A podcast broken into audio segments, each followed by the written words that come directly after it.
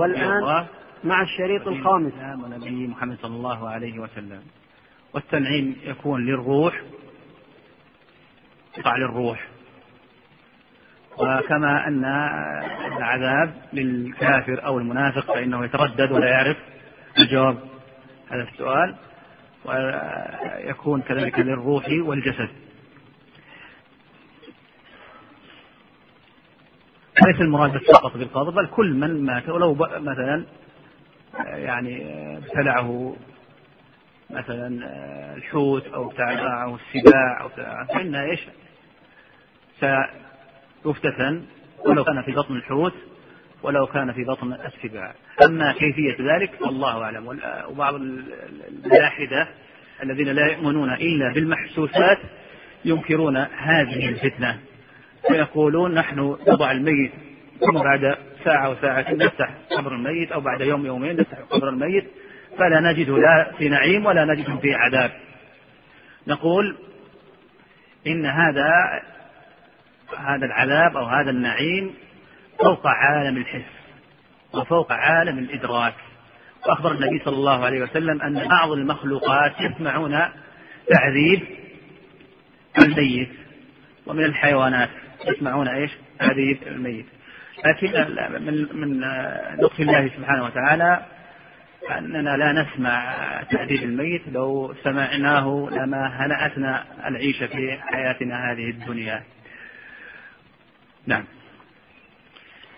ويؤمنون بفتنة القبر وبعذاب القبر ونعيمه فأما الفتنة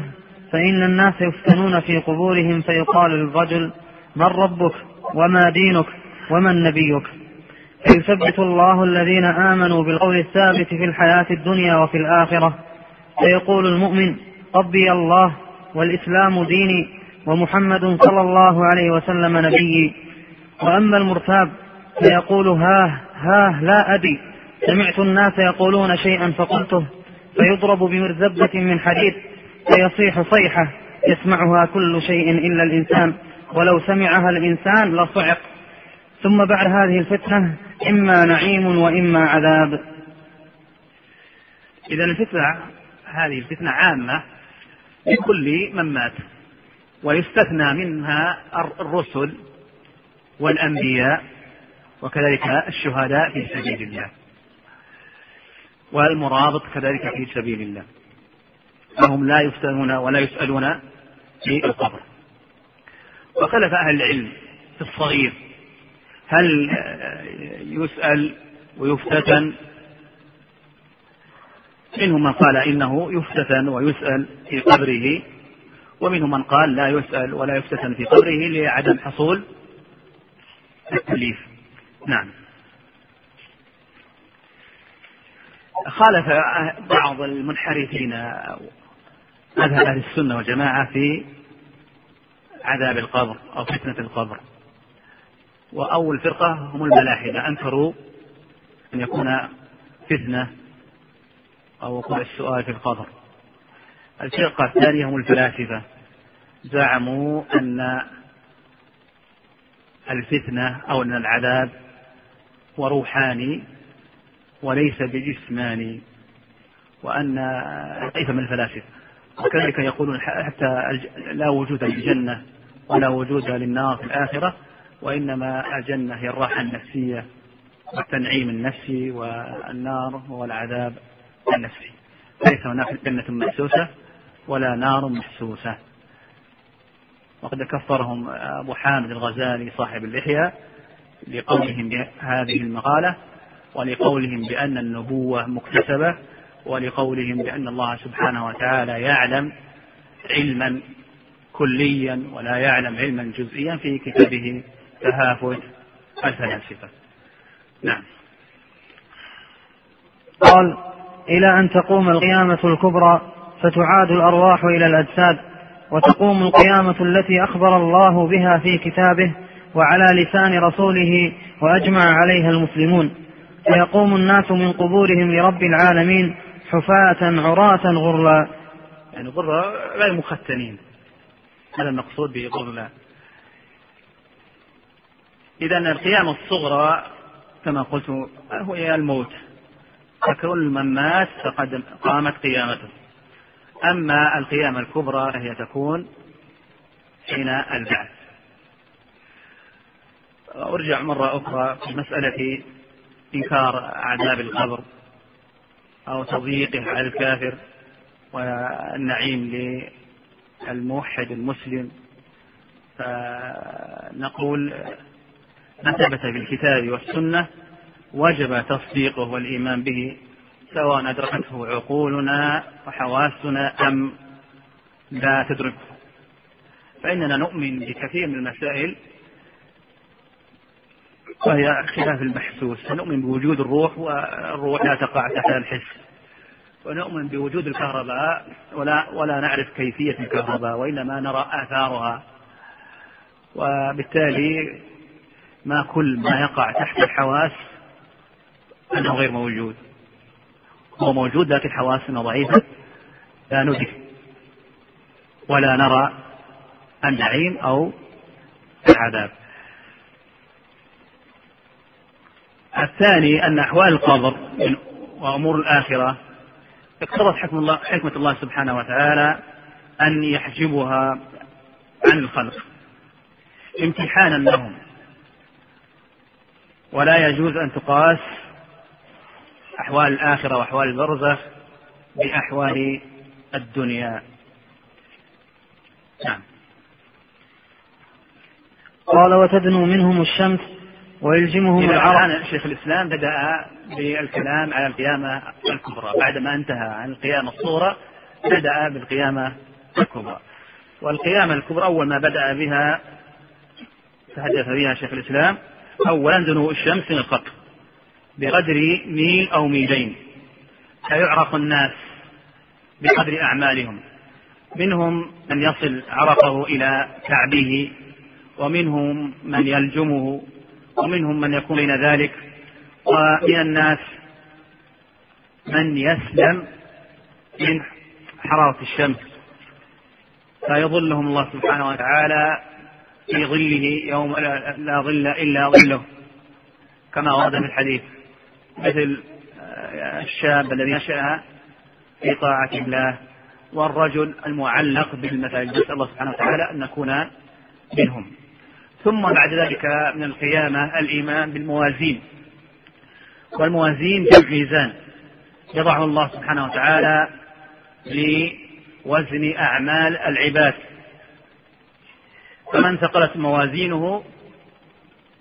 فهو في عيشة راضية وأما من خفت موازينه فأمه هاوية الذين تثقل موازينهم هم المفلحون وهم الناجون وأما الذين خفت موازينهم فهم الذين خسروا أنفسهم واستحقوا العقوبة والميزان حقيقي وليس حسي وخلاف المعتزلة المعتزلة يقولون إنه معنوي وليس والذي جاء في الكتاب والسؤال جاء في السنة أنه آه، حقيقي حسي يرى توزن به الأعمال ورد أن توزن به الأعمال ورد أنه توزن به توزن به الرجل حتى أن الرجل البدين الثقيل الجسم آه، لا يعني يكون وزنه ضعيفا في الميزان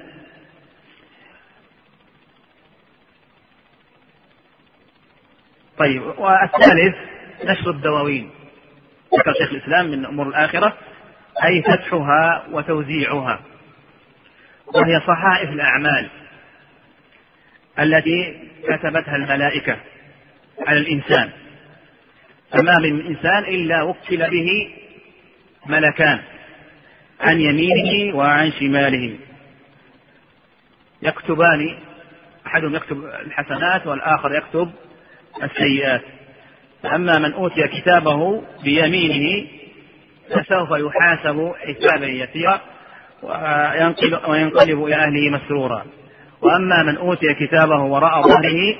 فسوف يدعو ثبورا ويصلى سعيرا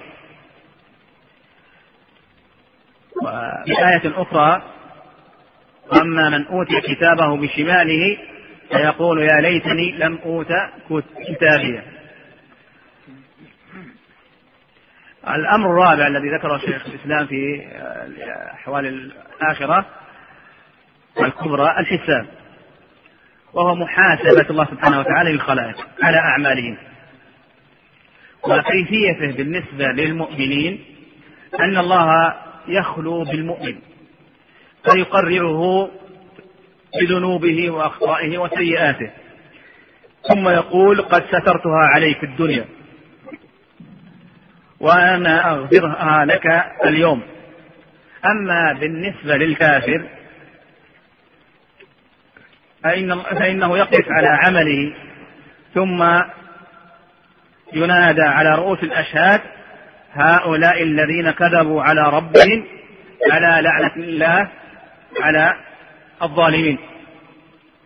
ومعلوم أول ما يحاسب به العبد في حق الله سبحانه وتعالى الصلاة وأول ما يحاسب به العبد في حقوق المخلوقين هو الدماء ومن الناس من يدخل الجنة بلا حساب ولا عذاب وهم سبعين ألف ومنهم عكاشة بن محسن ورد صفتهم أنهم لا يسترقون ولا يتطيرون ولا يكتوون وعلى ربهم يتوكلون الخامس مما أورده شيخ الإسلام في اليوم الآخر الحوض والحوض لكل نبي حوضة والحوض هو مجمع الماء ولكن نبينا محمد صلى الله عليه وسلم حوضه أكبر حوض أكبر وارد يريده الناس وشانه هو في أرض المحشر في عرفات القيامة أين الناس إذا خرجوا من قبورهم وهم عطشى آه، فيردون على الحوض فمن شرب منه فلا يظمأ بعد ذلك أبدا وآنيته كنجوم السماء وماؤه أشد بياضا من اللبن وأحلى من العسل وأطيب من رائحة المسك ولكل نبي حوض كما تقدم لكن آه، حوض نبينا محمد صلى الله عليه وسلم هو أكبرها وأكثرها واردا وقد أنكرت المعتزلة وجود الحوض وقولهم مردود وقد احتجت الرافضة على أن الصحابة كفروا بأن أناسا من أمة النبي صلى الله عليه وسلم ومن أصحاب النبي صلى الله عليه وسلم يذادون عن الحوض والجواب على ذلك أن الذين يزادون على الحوض هم الذين غيروا وبدلوا هم الذين منعوا الزكاة وارتدوا بعد وفاة النبي صلى الله عليه وسلم وماتوا على ذلك هذا هو الصواب المسألة الثانية هل الحوض هو الكوثر بعض أهل العلم قال إن الحوض هو الكوثر والكوثر يعني آه، هو الذي ذكر في قول الله تبارك وتعالى إنا أعطيناك الكوثر والصواب أن الكوثر هو نهر في الجنة وأن مادة حوض النبي صلى الله عليه وسلم هي من الكوثر من نهر الكوثر والله أعلم بحقيقة الحال كذلك مما أورده شيخ الإسلام من نقع في القيامة الصراط الصراط هو الجسر المنصوب على جهنم وهو صفته أنه أدق من الشعر وأحد من السيف عليه كلاليب تخطف الناس بأعمالهم والناس يمرون على هذا الصراط وهم يمرون على قدر أعمالهم منهم من يمر برق البرق بسرعته ومنهم من يعدو عدوى ومنهم من يمشي مشيا ومنهم من يزحف زحفا ومنهم من يخطف فيلقى في النار فيعذب بقدر عمله فإذا عبروا الصراط المؤمنين الذين ينجون بعد ذلك يقفون على القنطرة وهي موضع بين الجنة والنار فيقتص بعضهم لبعض وتزول الأحقاد بينهم والبغضاء حتى يكون مهيئين لدخول الجنه ثم بعد ذلك تحصل الشفاعه والشفاعه هي قبل ذلك كما تكون قبل ذلك لكن من انواع الشفاعه دخول المؤمنين للجنه وهذه الشفاعه معناها في اللغه هي طلب الخير للغير معنى الشفاعة هي طلب الخير للغير وأما معناها في الاصطلاح فهي الشفاعة الموعودة للنبي صلى الله عليه وسلم ولسائر الأنبياء ولا تكون إلا بإذن من الله وهي ملك لله سبحانه وتعالى وشروط الشفاعة شرطان إذن الله سبحانه وتعالى للشافع في أن يشفع قول الله تبارك وتعالى من الذي يشرع عنده إلا بإذنه الثاني رضا الله سبحانه وتعالى على المشروع له قول الله تبارك وتعالى ولا يشفعون إلا لمن ارتضى وهناك شفاعات خاصة بالنبي صلى الله عليه وسلم وشفاعات يشترك مع النبي صلى الله عليه وسلم الأنبياء وشفاعات يشترك مع الأنبياء بالمؤمنين الموحدين من أهل الجنة أما الشفاعات الخاصة بنبينا محمد صلى الله عليه وسلم فهي الشفاعة العظمى هذا أول شفاعة وهي في الفصل بين العباد وذلك أن الناس إذا طال مكثهم في العرصات في أرض المحشر وبلغ منهم الجهد وتعبوا من طول القيام فإنهم يذهبون إلى آدم عليه السلام فيقولون يا آدم أنت أبو البشر ألا ترى ما نحن فيه ألا ترى ما قد بلغنا فيقول اذهبوا إلى غيري نفسي نفسي اذهبوا إلى غيري إني قد عصيت الله سبحانه وتعالى أكلت من الشجرة اذهبوا إلى نوح أي إلى نوح عليه السلام فيذهبون إلى نوح عليه السلام فيقولون له ما قالوا لآدم أنت آه، يعني يعني يصفونه بما أنه أول الرسل فيقول يعتذر إليهم نوح عليه السلام ويقول اذهبوا إلى غيري ويعتذر أنه إيش دعا لابنه الكافر اذهبوا إلى غيري اذهبوا إلى إبراهيم فيذهبون إلى إبراهيم عليه السلام فيثنون عليه فيقولون أنت الخليل خليل الله ألا ترى ما نحن فيه ألا ما ترى ما قد بلغنا فيعتذر ويقول نفسي نفسي اذهبوا الى غيري ويعتذر بانه كذب ثلاث كذبات وكلها في حق الله سبحانه وتعالى ثم يذهبون الى موسى عليه السلام فيعتذر كذلك يعني يثنون عليه ويقول انت كليم الله كلم الله فيعتذر كذلك بانه اذنب وانه قتل نفسا بغير الحق فيذهبون إلى عيسى عليه السلام فيعتذر ولا يذكر ذنبا ثم يذهب ويقول اذهبوا إلى محمد فيذهب إلى النبي صلى الله عليه وسلم فيخر تحت العرش ساجدا ويلهم الله سبحانه وتعالى بمحامد يثنيه على الله سبحانه وتعالى بما هو أهل له ثم يقال بعد ذلك يا محمد ارفع رأسك وسأل تعطى واشفع تشفع فعند ذلك تحصل الشفاعة في الفصل بين العباد وهذه خاصة بالنبي صلى الله عليه وسلم يعلم من هذا أن الأنبياء يقع منهم الهفوات والزلات لكنهم لا يقع منهم الكبائر ولا يقع منهم تعمدا على الصغائر ولا يقع يخطئون كذلك فيما يبلغون عن دين الله سبحانه وتعالى إذا من مقتضى البشرية أنهم يقع منهم الهفوة والزلة هذه أول شفاعة للنبي صلى الله عليه وسلم الشفاعة الثانية للنبي صلى الله عليه وسلم هي الشفاعة في دخول أهل الجنة للجنة كذلك من الشفاعة الخاصة بالنبي صلى الله عليه وسلم الشفاعة في من آه، عمه أبي طالب شفاعة في حق عمه أبي طالب رضي الله عن آه، علي بن أبي طالب رضي الله عنه ابنه أما الأب فقد مات على الكفر ويعلم أن النبي صلى الله عليه وسلم جاء في مرض الموت ودعاه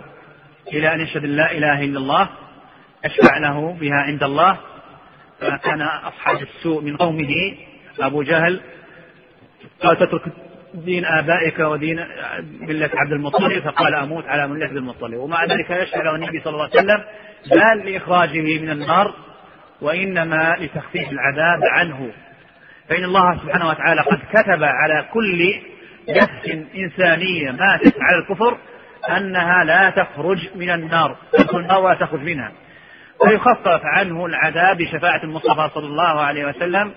فهو فيه ضحضاح من النار يعني يصل إلى منتصف ساقيه يغلي بها دماغه كذلك شفاعة النبي صلى الله عليه وسلم في آه، سبعين ألف الذين تقدم ذكرهم هناك حالات أخرى يشترك النبي صلى الله عليه وسلم معه سائر الأنبياء من ذلك من تساوت حسناته وسيئاته يتساوت حسناته وسيئاته يشرع له أن يدخل يدخل الجنة كذلك من أنواع الشفاعة شفاعة الأنبياء في من دخل النار أن يخرج منها من الموحدين كذلك الشفاعة آه، شفاعة في أهل الكبائر وهي تتكرر أربع مرات ولكن الشفاعة شفاعة يشترك فيها المؤمنين مع الأنبياء ألا وهي الشفاعة في أن يشفع الأب لأبي ابنه حتى يكون معه في مرتبته في الجنة فإن الجنة كما يعلن درجات والنار دركات هذه هي المسائل التي ذكرها في أحوال يوم القيامة اقرأها قال وتنصب الموازين وتوزن بها أعمال العباد فمن ثقلت موازينه فأولئك هم المفلحون ومن خفت موازينه فأولئك الذين خسروا أنفسهم في جهنم خالدون وتنشر الدواوين وهي صحائف الأعمال وآخذ كتابه بيمينه دل القرآن والسنة والإجماع على إثبات الميزان ذكرنا أن المعتزلة أنكروه وأن الميزان له لسان وكفتان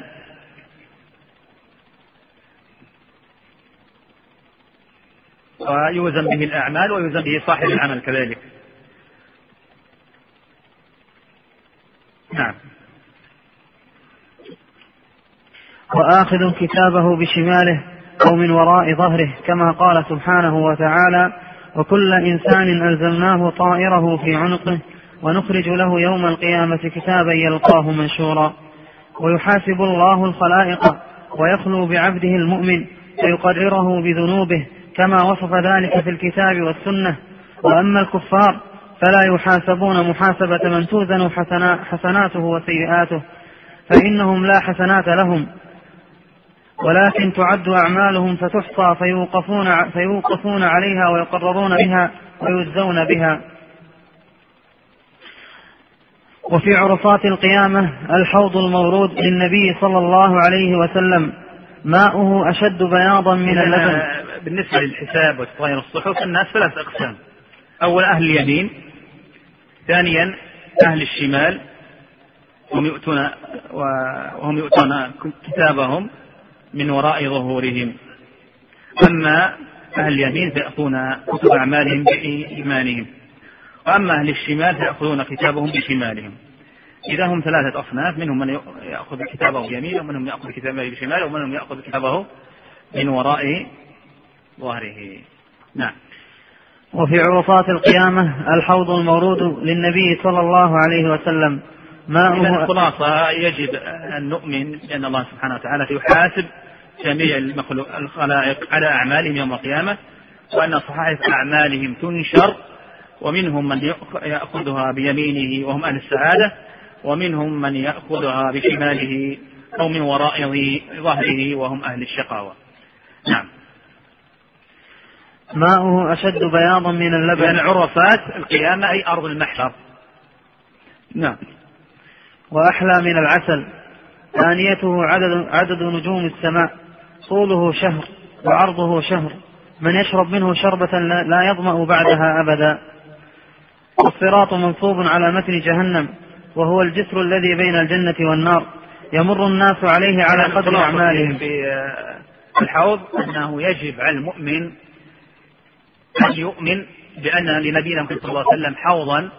وأن الأنبياء لهم كذلك كل نبي له حوض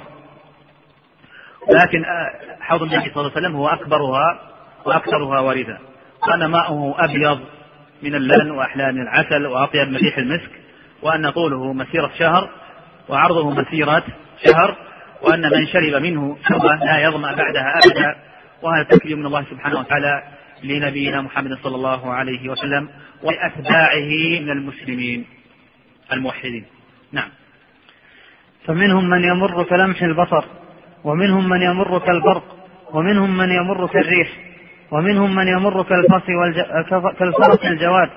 ومنهم من يمر كركاب الإبل ومنهم من يعدو عدوى ومنهم من يمشي مشيا ومنهم من يزحف زحفا ومنهم من من يخطف ويلقى في جهنم فإن الجسر فإن الجسر عليه كلاليب تخطف الناس بأعمالهم فمن مر على الصراط دخل الجنة فإذا عبروا عليه وقفوا يعني على قلنا أن بعد الصراط في قنطرة قنطرة ثم بعد القنطرة يؤذن لهم بدخول الجنة بشرعة النبي صلى الله عليه وسلم نعم فإذا عبروا عليه وقفوا على قنطرة بين الجنة والنار فيقص لبعضهم من بعض فإذا هذبوا ونقوا أذن لهم في دخول الجنة وأول من يستفتح باب الجنة محمد آه، آه، خلاصة في العقيدة في الصراط والقنطرة أن على المسلم الموحد أن يؤمن أن الله سبحانه وتعالى وضع جسرا وخلق جسرا وضعه على جهنم فوق جهنم يمر عليه جميع الناس جميع الخلائق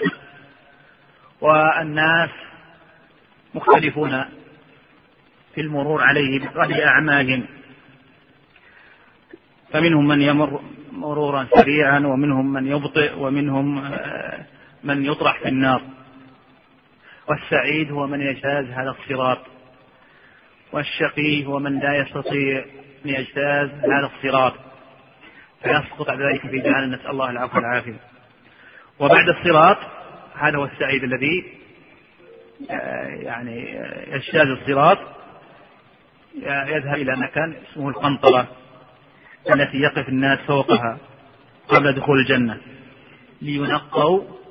ويهذبوا ثم بعد ذلك يشفع النبي صلى الله عليه وسلم عند ربه في دخول هؤلاء الجنة بشفاعة المصطفى صلى الله عليه وسلم نعم وأول من يستفتح باب الجنة محمد صلى الله عليه وسلم وأول من يدخلها من الأمم أمته وله صلى الله عليه وسلم في القيامة ثلاث شفاعة أول من يستفتح آه، في الجنة هو نبينا محمد صلى الله عليه وسلم أي الشفاعة وتبحث السنة أن أول من يقرع باب الجنة هو محمد صلى الله عليه وسلم وأول من يدعوها وقد روى مسلم في صحيحه عن أنس بن مالك رضي الله عنه قال رسول الله صلى الله عليه وسلم أنا أكثر الناس أتباعا يوم القيامة وأول من يقرع باب الجنة وروي كذلك من حديث أبي هريرة قال النبي صلى الله عليه وسلم نحن الآخرون والأولون يوم القيامة نحن أول من يدخل الجنة الحديث الأول يدل على أن أول من يقرع باب الجنة مستفتحا هو سيدنا ونبينا وحبيبنا محمد صلى الله عليه وسلم وأنه أكثر أن الأنبياء أتباعا يوم القيامة وأما الحديث الثاني فإنه يدل على أن أول من يدخل الجنة هم أمة محمد صلى الله عليه وسلم وذلك فضل الله يؤتيه من يشاء نعم أما الشفاعة الأولى فيشفع في أهل الموقف حتى يقضى بينهم بعد أن يتراجع هذه الشفاعة العظمى نعم بعد أن يتراجع الأنبياء آدم ونوح وإبراهيم وموسى وعيسى بن مريم عن الشفاعة حتى تنتهي إليه وأما الشفاعة الثانية فيشفع في أهل الجنة أن يدخلوا الجنة وهاتان الشفاعتان خاصتان له وأما الشفاعة الثالثة فيشفع في من استحق النار وهذه الشفاعة له ولسائر النبيين والصديقين وغيرهم فيشفع في من استحق النار ألا يدخلها ويشفع في من دخلها أن يخرج منها إذا من خلال ما سمعتم ثبت أن النبي صلى الله عليه وسلم له شفاعتان خاصتان به وقلت في الشرح أنها أربع لكن الشيخ الإسلام أشمل شفاعة النبي صلى الله عليه وسلم في الكبرى الشفاعة العظمى وهي خاصة النبي صلى الله عليه وسلم حتى يقضي الله سبحانه وتعالى ويصل بنا الخلائق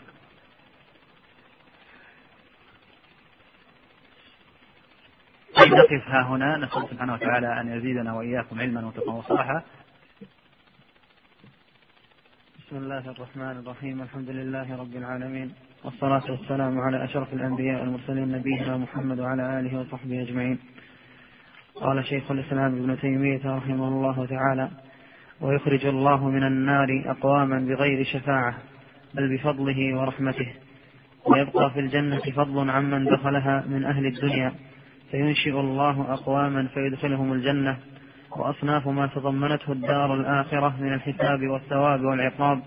والجنة والنار وتفاصيل ذلك مذكورة في في الكتب المنزلة من السماء والآثار من العلم المأثورة عن الأنبياء وفي العلم الموروث عن محمد صلى الله عليه وسلم من ذلك ما يشفي ويفي فمن ابتغاه وجده إذا آه، سبق أن بينا بالأمس معنى الشفاعة وأقسامها ذكرنا أن الشفاعة إما أن تكون شفاعة مثبتة أو شفاعة منفية فالشفاعة المثبتة هي التي جاءت النصوص الشرعية بإثباتها والشفاعة المنفية هي التي جاءت النصوص الشرعية بنفيها وأما الشفاعة المثبتة فمنها ما يكون للنبي صلى الله عليه وسلم ومنه ما يكون معه الأنبياء ومنه ما يكون معه مع الأنبياء الصالحين والشهداء ثم ذكرنا بعد ذلك شروط الشفاعة وقلنا إن الشفاعة ملك لله سبحانه وتعالى تطلب وتسأل من عند الله وهو هو الذي يملك الشفاعة فلا تسأل من نبي ولا ملك ولا آه، بشر من الصالحين وإنما تسلم من الله سبحانه وتعالى وللشفاعة شرطان الشرط الأول إذن الله للشافع في أن يشفع والشرط الثاني رضا الله سبحانه وتعالى عن المشفوع له بقي نبين مواقف الناس في الشفاعة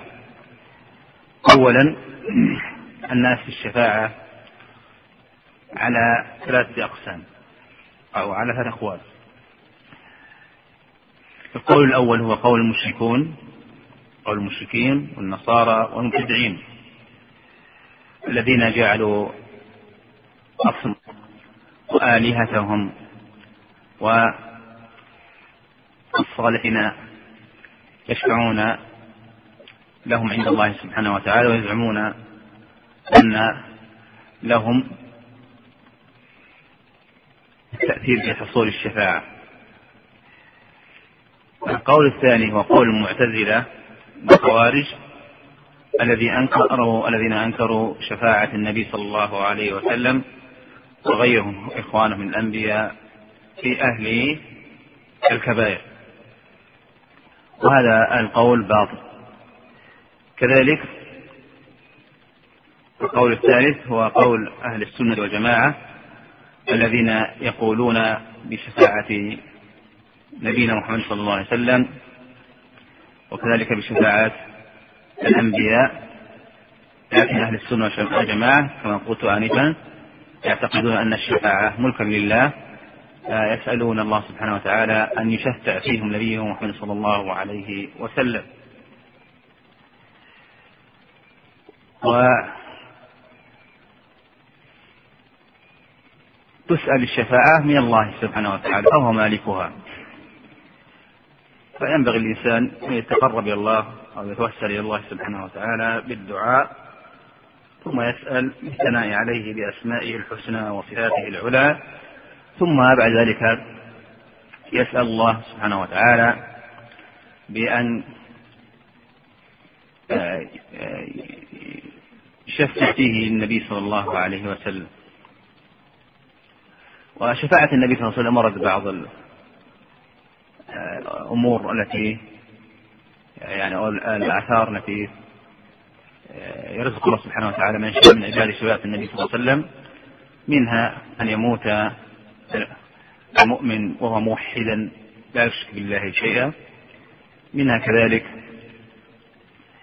أن يموت في المدينة وكذلك أن دائما يسأل الله سبحانه وتعالى الشفاعة لنبينا محمد يسأل الله سبحانه وتعالى الوسيلة لنبينا محمد صلى الله عليه وسلم كذلك من الأعمال كثرة الصلاة والسلام على نبينا محمد صلى الله عليه وسلم نعم قال وتؤمن الفرقة الناجية أهل السنة والجماعة بالقدر وخيره وشأن القدر هو الركن الخامس والإيمان به واجب وهو من أركان الإيمان ومنزلته في الدين أنه أحد أركان الإيمان الخمسة قول النبي صلى الله عليه وسلم لما سأله جبريل عن الإيمان قال أن تؤمن بالله وملائكته وكتبه ورسله والقدر خيره وشره ومعنى الإيمان بالقضاء والقدر أن تؤمن أن ما يقع في هذا الكون كتبه الله سبحانه وتعالى وأن الله سبحانه وتعالى هو الذي شاءها وخلقها وما شاء كان وما لم يشأ لم يكن أما درجات الإيمان بالقضاء والقدر فللإيمان بالقدر درجتان كل درجة تتضمن شيئين فالدرجة الأولى تتضمن العلم والكتابة دليلهما قول الله تبارك وتعالى ألم تعلم أن الله يعلم ما في السماوات والأرض إن في ذلك إن ذلك في كتاب إن ذلك على الله يسير فالعلم أن نؤمن بأن الله بعلم الله المحيط بكل شيء لا تخفى عليه خافية وأما الكتابة فهي أن نؤمن بأن الله كتب مقادير كل شيء في اللوح المحفوظ والكتابة أنواع كتابة أنواع النوع الأول من الكتابة أو هل في اللوح المحفوظ قبل خلق السماوات والأرض بخمسين ألف سنة ودليلها قول النبي صلى الله عليه وسلم إن الله لما خلق القلم قال له اكتب قال ربي وماذا اكتب قال اكتب ما هو كائن الى يوم القيامه النوع الثاني من الكتابه الكتابة العمرية وهي ما يكتبه الموكل في الأرحام على الجنين وهو في بطن أمه فإذا أتم له أربعة أشهر من تبليغه فيؤمر الله سبحانه وتعالى يأمر الله الملك بكتابة رزقه وأجله وعمله وهل هو شقي أم سعيد والحديث دليله حديث ابن مسعود رضي الله عنه الثابت في الصحيحين الذي فيه أن الله سبحانه وتعالى أمر الملك أن يكتب على جبين الطفل رزقه وأجله وعمله وشقي هو أم سعيد وهذه الدرجة ينكرها غلاة القدرية قديما لذا يقول الإمام الشافعي ناظر القدرية بالعلم فإن أقروا به قسموا وإن أنكروه كفروا الدرجة الثانية التي ذكرها شيخ الإسلام من مراتب الإيمان بالقدر تضمن شيئين المشيئة والخلق ودليل المشيئة قول الله تبارك وتعالى ويفعل الله ما يشاء ودليل الخلق قول الله تبارك وتعالى الله خالق كل شيء فأما المشيئة فهي عليك يا المسلم أن تؤمن إن الله سبحانه وتعالى له المشيئة العامة أن ما شاء كان وما لم يشأ لم يكن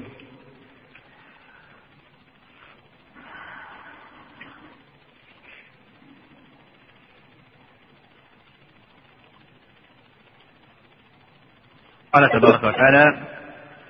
ولو شئنا لآتينا كل نفس هداها وقال ولو شاء ربك ما فعلوه أما الخلق فهو أن تؤمن بأن الله سبحانه وتعالى خالق كل شيء سواء من فعل سواء وأنه خالق أفعال العباد وأنه خلق العبد وخالق أفعاله والعبد يختار إما طريق الخير وإما طريق الشر ودليل الخلق قول الله تبارك وتعالى إن ربكم الله الذي خلق السماوات والأرض في ستة أيام ووجه كون الرب سبحانه وتعالى خالقا لأفعال العباد أن فعل العبد لا يصدر إلا عن إرادة وقدرة والله سبحانه وتعالى خلق له هذه القدرة التي يختار بها الفعل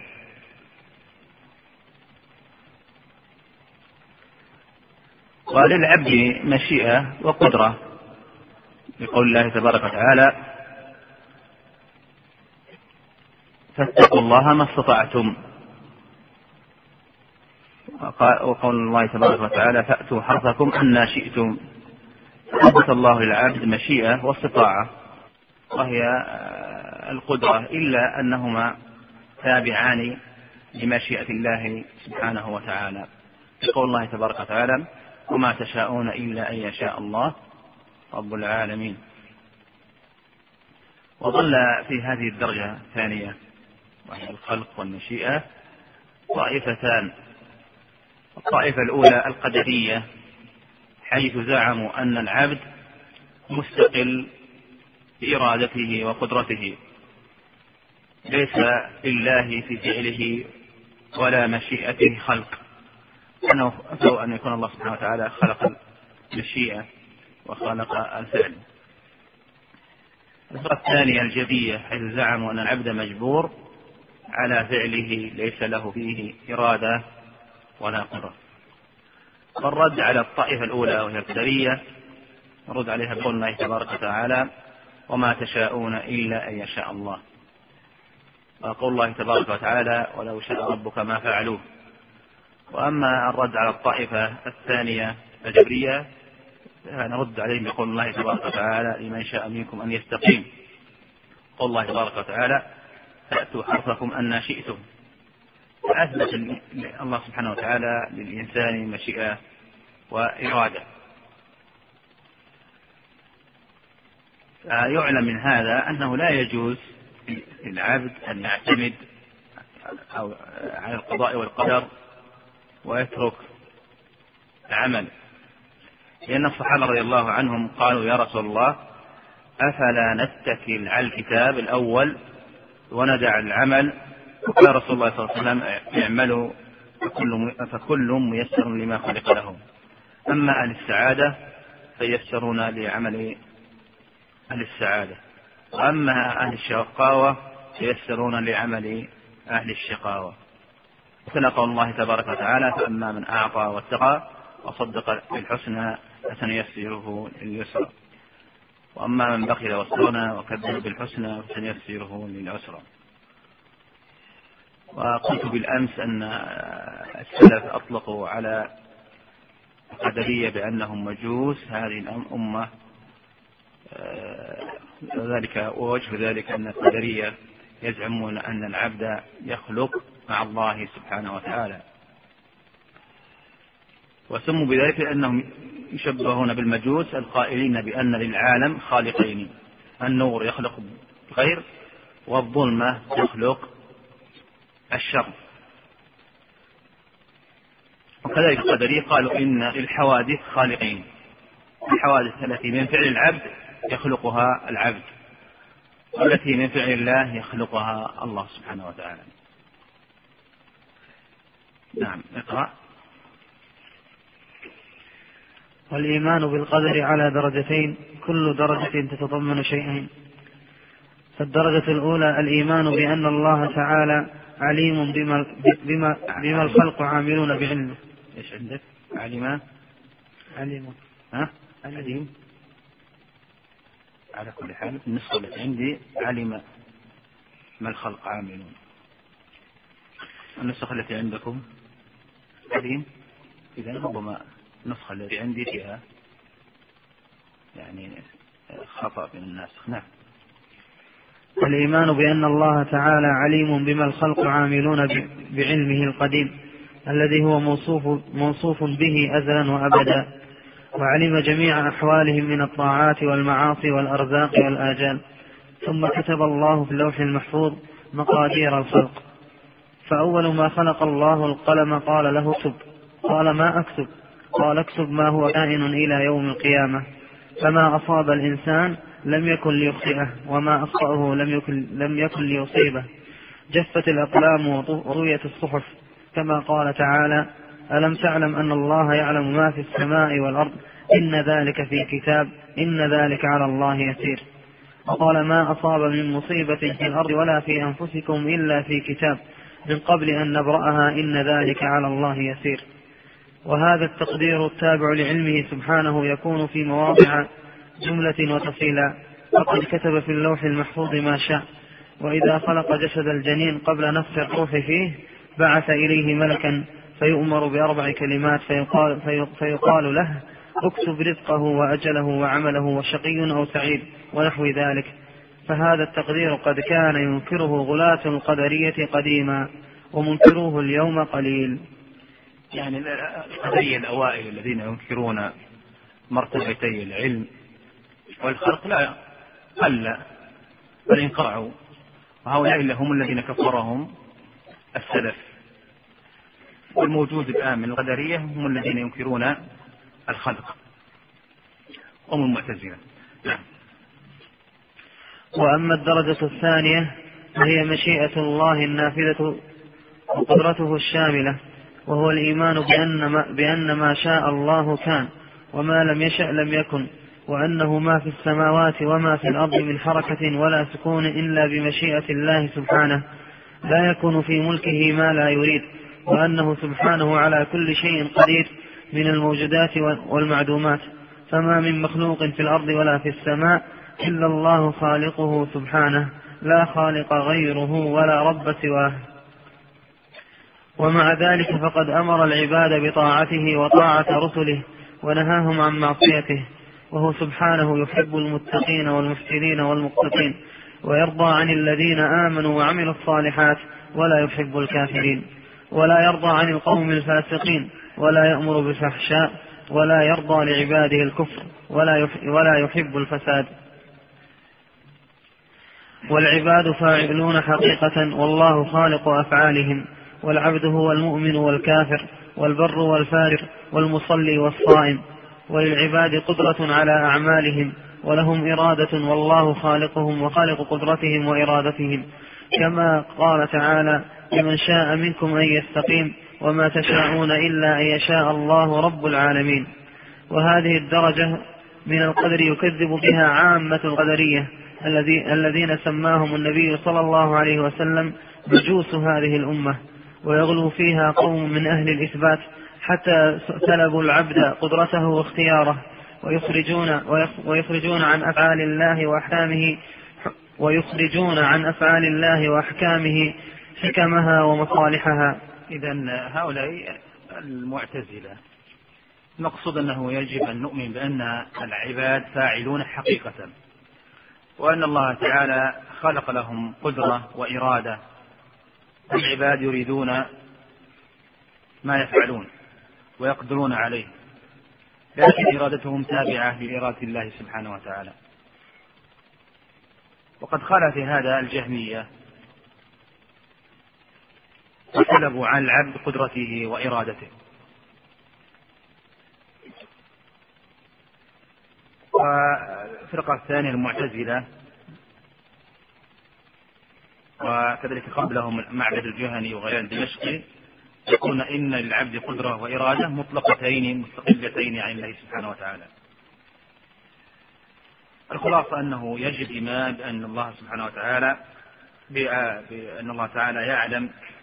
أزلا ما قدره علينا وأن ذلك في اللوح المحفوظ كما يجب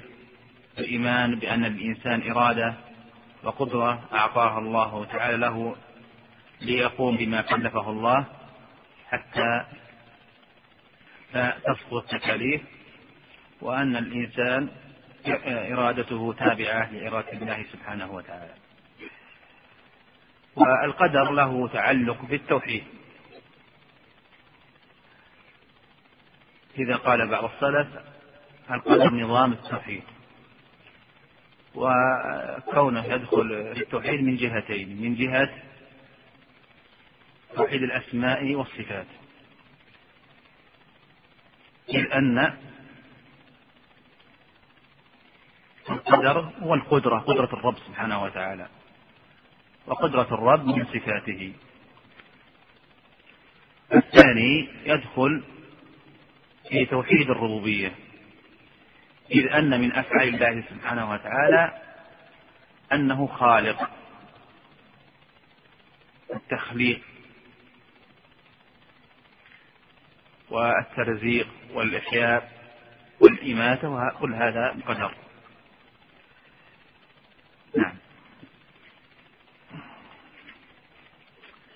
ومن أصول أهل السنة والجماعة أن الدين أن الدين والإيمان قول وعمل قول القلب واللسان وعمل القلب واللسان والجوارح وأن الإيمان يزيد بالطاعة وينقص بالمعصية وهم مع ذلك من أصول مذهب أهل السنة والجماعة أن الإيمان حقيقته اعتقاد وعمل كذلك التوحيد حقيقته اعتقاد وعمل والإيمان معناه في اللغة التصديق وبعض أهل العلم زادوا مع التصديق الإقرار وأما معناه في الاصطلاح فهو اعتقاد بالجنان وقول باللسان وعمل بالأركان لكن شيخ الإسلام هنا عرف الإيمان بأنه قول القلب واللسان وعمل القلب واللسان والجوارح قول القلب هو تصديقه وإقراره وعمل القلب إرادته وتوكله ونحو ذلك من حركاته وأما قول اللسان فهو نطقه وأما عمل الإنسان عمل اللسان كذلك ذكر الله سبحانه وتعالى النطق بتلاوة القرآن أما عمل الجوارح فهي إما فعل وإما ترك فعل الفرائض وترك المحرمات أما الدليل على أن الإيمان يشمل كل ذلك قول النبي صلى الله عليه وسلم الإيمان أن تؤمن بالله وملائكته إلى آخر الحديث وهذا قول القلب وقول النبي صلى الله عليه وسلم الإيمان بضعة بضع وسبعون شعبة أعلاها قول لا إله إلا الله وأدناها إماطة الأذى عن الطريق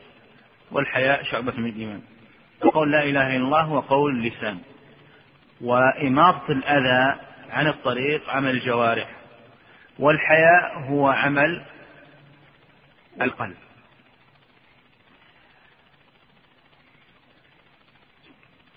إذا حقيقة الإيمان الإيمان مركب من قول وعمل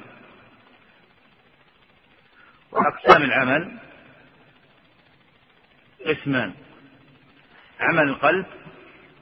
وهو الإخلاص والنية وعمل الجوارح يعني الأعضاء ويدخل في ذلك اللسان فإن عمله الذكر والدعاء والثناء على الله عمل الجوارح الاتيان بالفرائض والانتهاء عن المحرمات هذا الأصل الأول في حقيقة الإيمان الأصل الثاني في حقيقة الإيمان أن الإيمان يزيد وينقص عند أهل السنة والجماعة فإن النصوص دالة على زيادة الإيمان الإيمان يزيد وينقص لقول الله تبارك وتعالى ليزدادوا إيمانا مع إيمانهم ولقول النبي صلى الله عليه وسلم في حق النساء ما رأيت من ناقصات عقل ودين أذهب للرجل الحازم من إحداكن وأسباب زيادة الإيمان كثيرة منها الإتيان بالفرائض نعم، كذلك فعل المندوبات سواء في الصلاة أو الصوم المندوب من صيام الاثنين والخميس من صيام عشر من ذي الحجة من صيام ست من شوال من صيام ثلاث أيام في الشهر صيام البيض وغير ذلك من الصيام المندوب كذلك كثرة الصدقات كذلك من أسباب زيادة الإيمان تلاوة القرآن والمداومة على ذكر الله سبحانه وتعالى في جميع الأوقات كذلك من أسباب زيادة الإيمان التفكر والتدبر في مخلوقات الله سبحانه وتعالى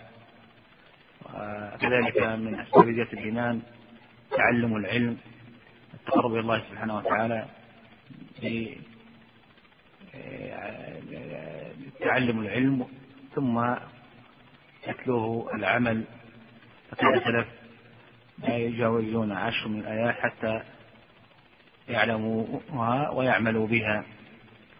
هذا بعض أسباب زيادة الإيمان كما أن الإيمان ينقص بترك الواجبات وفعل المحرمات وانشغال القلب عن ذكر الله وغير ذلك والقلب يمرض ومرضه إما أن يكون شبهة وإما أن يكون شهوة أما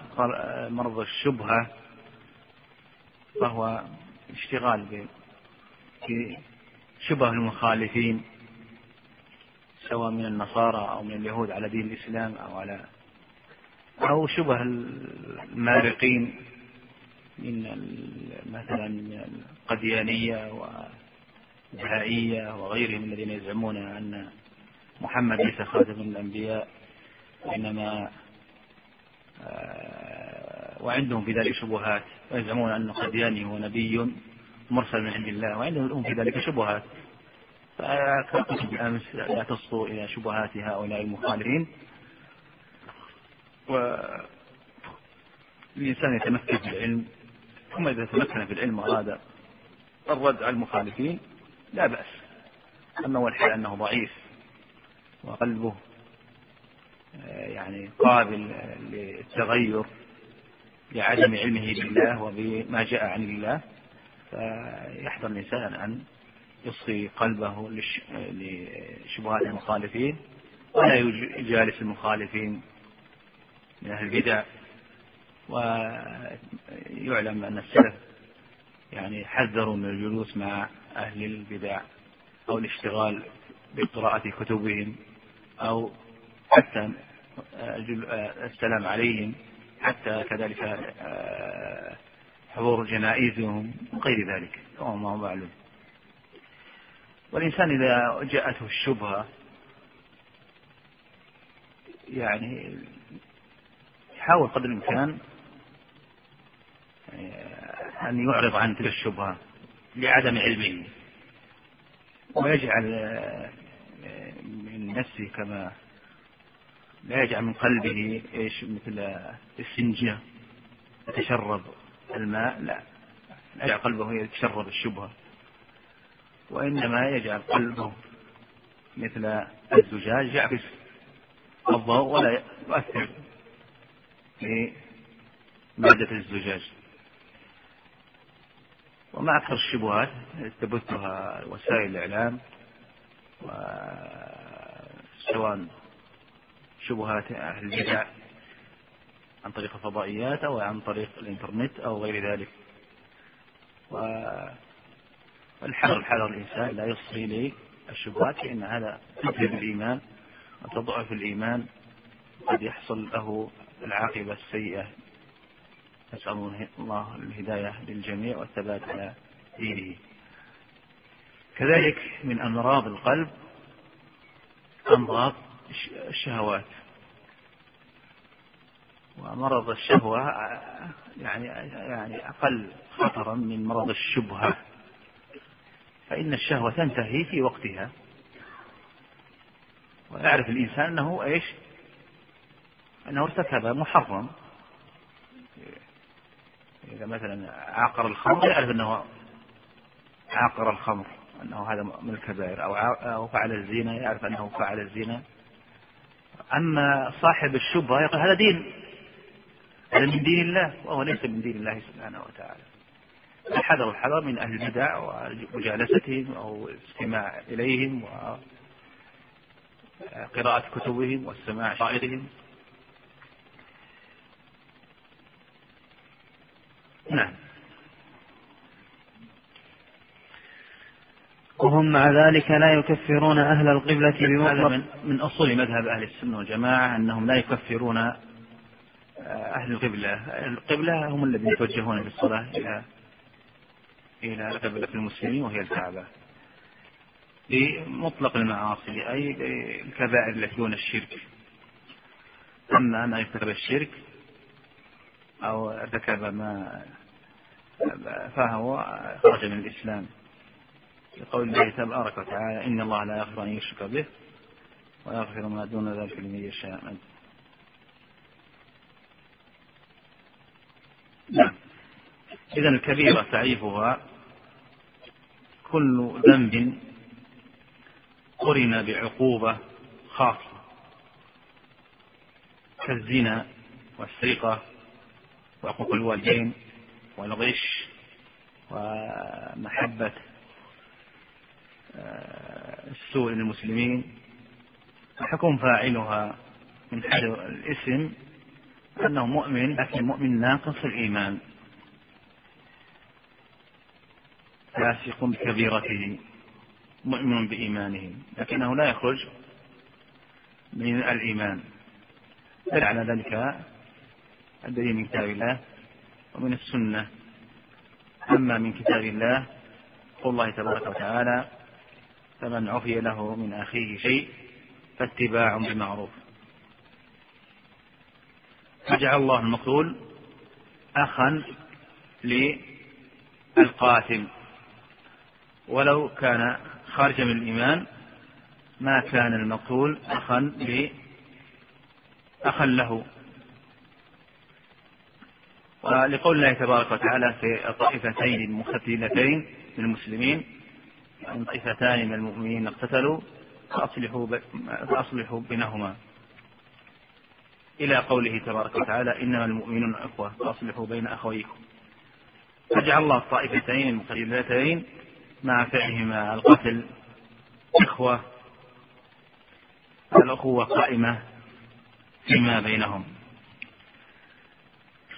المقصود أن أهل السنة والجماعة لا يكفرون من فعل الكبيرة الشرك وأن المؤمن عاصي مستحق لوعيد الله سبحانه وتعالى وإن شاء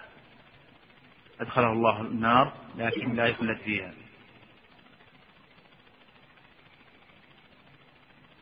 نعم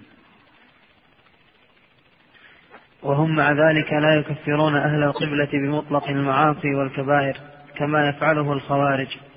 بل الأخوة الإيمانية ثابتة مع المعاصي كما قال سبحانه في آية القصاص فمن عفي له من أخيه شيء فاتباع بالمعروف وقال وإن طائفتان من المؤمنين اقتتلوا فأصلحوا بينهما فإن بغت إحداهما على الأخرى فقاتلوا التي تبغي حتى تفيء إلى أمر الله فإن فاءت فأصلحوا بينهما بالعدل وأقسطوا إن الله يحب المقسطين إنما المؤمنون إخوة فأصلحوا بين أخويكم ولا يسلبون الفاسق الملي الإسلام بالكلية يعني آه، أي من ملة الإسلام هذا المقصود به الفاسق الملي وأي من ملة الإسلام ولا يخلدونه في النار كما تقول المعتزلة هذا قول المعتزلة أن الفاسق الفاعل كبيرة هو مخلد في النار وأما في الدنيا فهو في منزلة بين المنزلتين نعم بل الفاسق يدخل في قسم الإيمان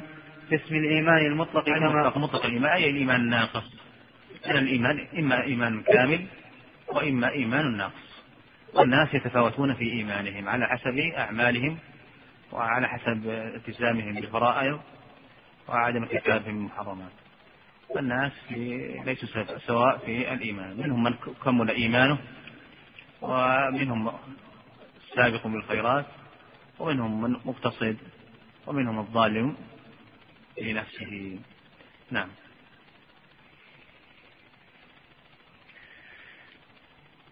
كما في قوله تعالى إنما المؤمنون الذين إذا ذكر الله وجلت قلوبهم وإذا تليت عليهم آياته زادتهم إيمانا وقوله صلى الله عليه وسلم لا يزني الزاني حين يزني وهو مؤمن أي مؤمن كامل الإيمان نفى عنه كمال الإيمان نعم ولا يسرق السارق حين يسرق وهو مؤمن ولا يشرب الخمر حين يشربها وهو مؤمن ولا ينتهب نهبة ذات شرف يرفع الناس إليها فيها أبصارهم حين ينتهبها وهو مؤمن ونقول هو مؤمن ناقص الإيمان أو مؤمن بإيمانه فاسق بكبيرته فلا يعطى الاسم المطلق ولا يسلب مطلق الاسم إذا آه، المعتزلة الفرق بين المعتزلة والخوارج أن الخوارج يقولون بكفر المؤمن المرتكب الكبيرة ثم يقولون بتخليده في النار المعتزلة فيسمون المؤمن العاصي كافرا وإنما يقولون هو في منزلة بين المنزلتين يعني لا مؤمن مطلقا ولا كافر مطلقا ويتفقوا أما في الآخرة فيتفقون مع الخوارج في تخليده في النار نعم ومن أصول أهل السنة والجماعة سلامة قلوبهم وألسنتهم لأصحاب رسول الله خلاصة ما سبق أن أهل السنة والجماعة يقولون إن الإيمان قول وعمل بالقلب واللسان والأركان وأنه يزيد وينقص وأن المؤمن لا يكفر بالمعاصي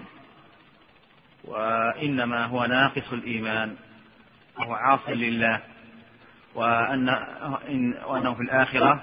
مستحق لوعيد الله سبحانه وتعالى إن شاء الله عذبه وإن شاء غفر له وخالف في هذا الخوارج والمعتزلة ومذهب أهل السنة والجماعة هو المذهب الحق لدلالة آه، الكتاب والسنة وإجماع السلف عليه انتقل شيخ الإسلام إلى مبحث آخر ألا وهو مبحث أصحاب النبي صلى الله عليه وسلم من أصول أهل السنة والجماعة محبة أصحاب النبي صلى الله عليه وسلم و الترضي عنهم والإمساك عما شجر بينهم من خلاف والصحابي هو من اجتمع بالنبي صلى الله عليه وسلم مؤمنا به ولو للحظة ومات على ذلك وموقف أهل السنة من الصحابة محبتهم والثناء عليهم والتوضي عنهم سلامة قلوبهم من البغضاء والحقد عليهم وسلامة ألسنتهم من لمزهم أو سبهم أو تنقصهم أو شتمهم وذلك لقول الله تبارك وتعالى والذين جاءوا من بعدهم يقولون ربنا اغفر لنا ولإخواننا الذين سبقونا بالإيمان ولا تجعل في قلوبنا غلا للذين آمنوا ربنا إنك رؤوف رحيم ويقول النبي صلى الله عليه وسلم لا تسبوا أصحابي والذي نفسي بيده لو أنفق أحدكم مثل أحدهم ذهبا ما بلغ مد أحدهم ولا نصيفه والصحابة مختلفون في الرتبة من حيث الفضل فلا شك أن من كان قبل الفتح أفضل ممن هو بعد الفتح لقول الله تبارك وتعالى لا يستوي منكم من أنفق من قبل الفتح وقاتل أولئك أعظم درجة من الذين أنفقوا من بعد وسبب اختلاف مراتبهم هو قوة الإيمان والعلم والعمل الصالح وسبقهم للإسلام وأفضلهم جنسا أولا المهاجرون ثم الأنصار لأن الله سبحانه وتعالى قدم المهاجرين على الأنصار وقد تاب الله على النبي والمهاجرين والأنصار ولأنهم جمعوا بين الهجرة من ديارهم وفي أموالهم وبين النصرة للنبي صلى الله عليه وسلم نصر للنبي صلى الله عليه وسلم وأفضل الصحابة أبو بكر ثم عمر ثم عثمان على رأي جمهور أهل السنة ثم علي والذي استقر عليه أمرهم هذا الذي استقر عليهم أمر أهل السنة والجماعة تقديم عثمان على علي رضي الله عنه وما وقع الخلاف بين أهل العلم في المفاضلة بين علي وعثمان فالذي قدم آه، يعني آه، عثمان ثم سكتوا والذين قدموا عليا ثم عثمان وتوقف قوم في التفصيل لا يضلل بعضهم بعض ولا يفسق بعضهم بعض بل ايش؟ هذه المسائل ايش؟ الجزئيه مع انهم استقر مذهب اهل السنه على تقديم عثمان على علي.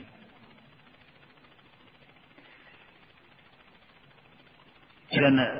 ترتيبهم في الفضل كترتيبهم في الخلافه. هذا الذي عليه أهل السنة والجماعة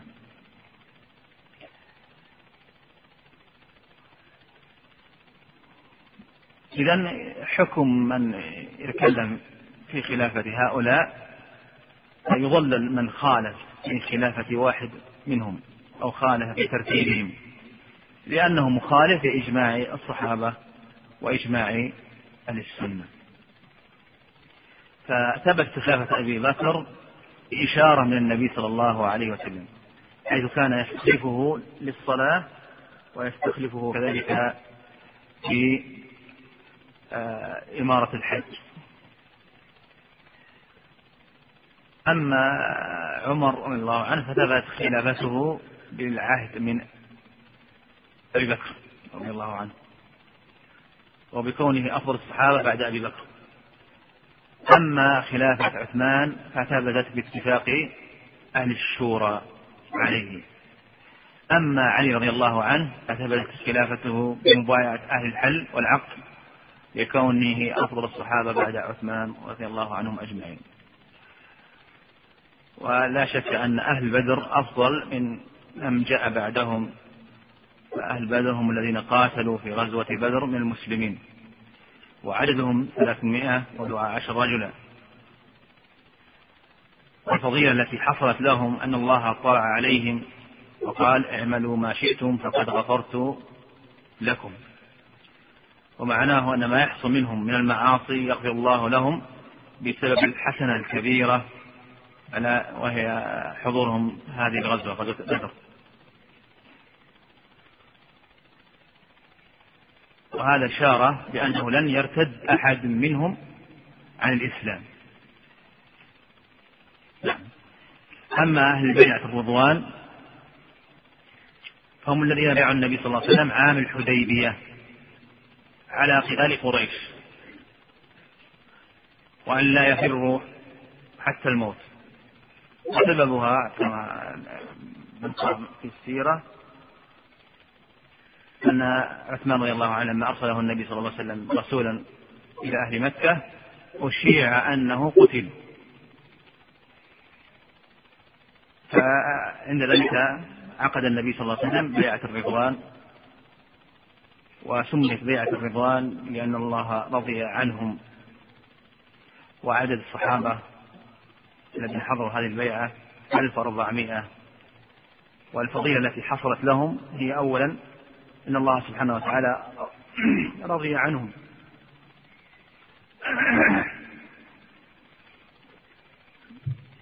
ثانيا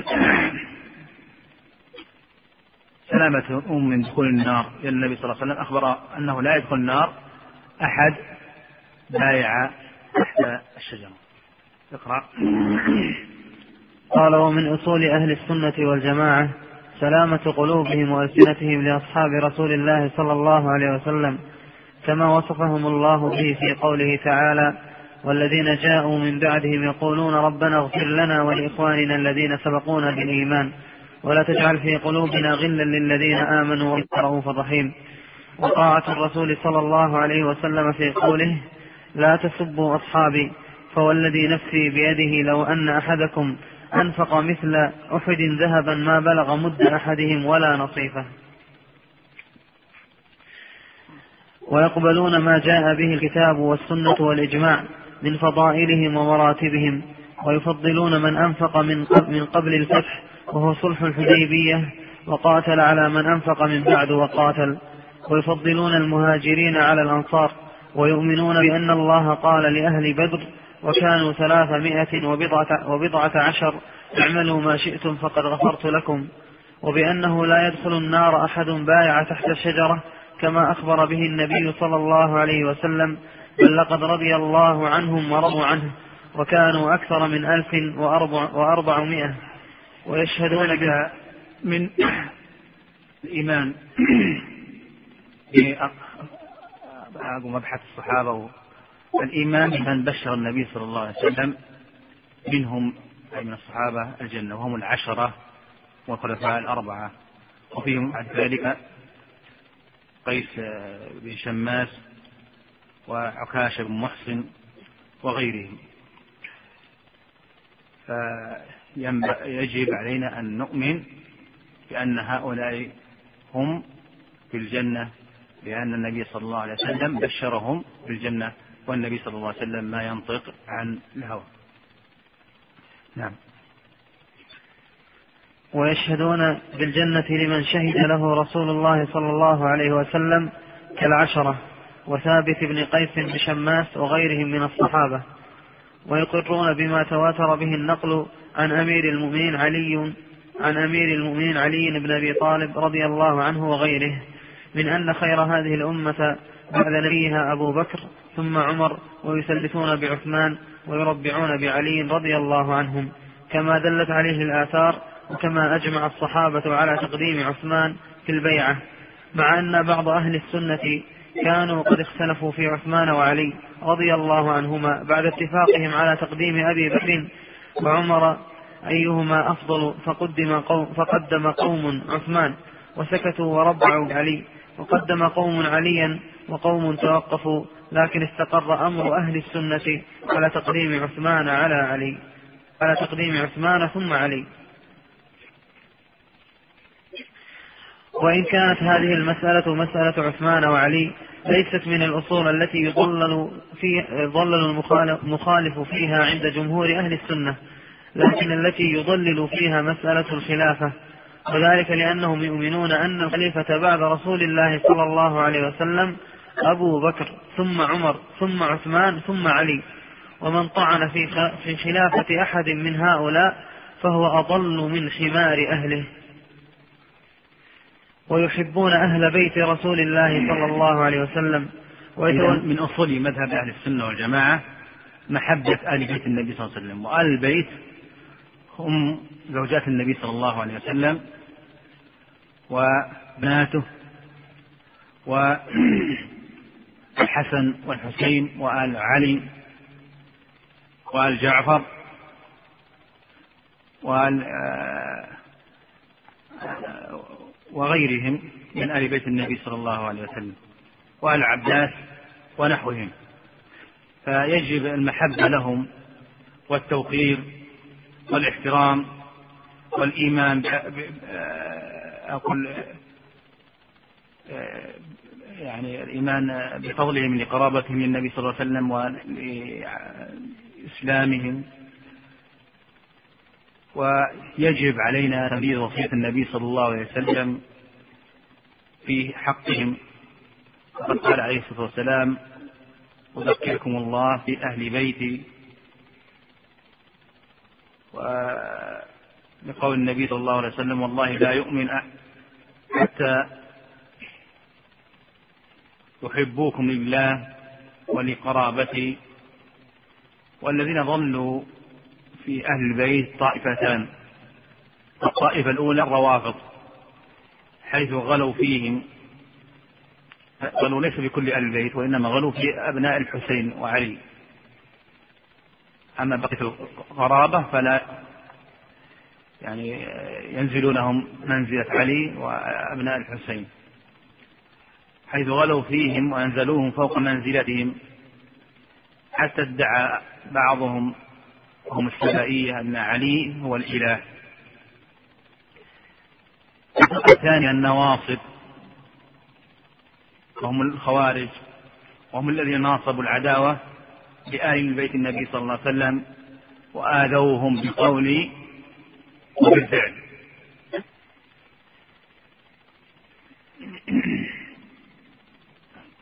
أما زوجة النبي صلى الله عليه وسلم فلا شك أنهن أفضل نساء الأمة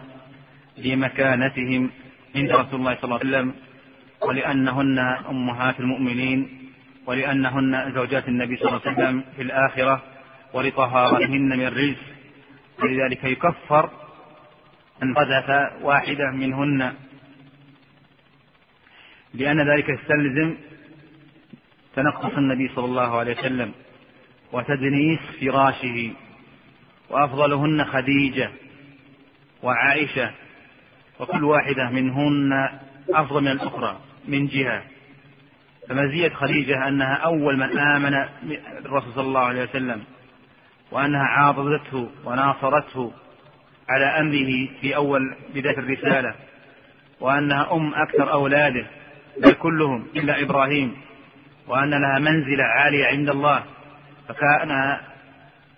آه، وعند النبي صلى الله عليه وسلم فكان النبي صلى الله عليه وسلم دائما يذكرها ولم يتزوج عليها في حياتها حتى ماتت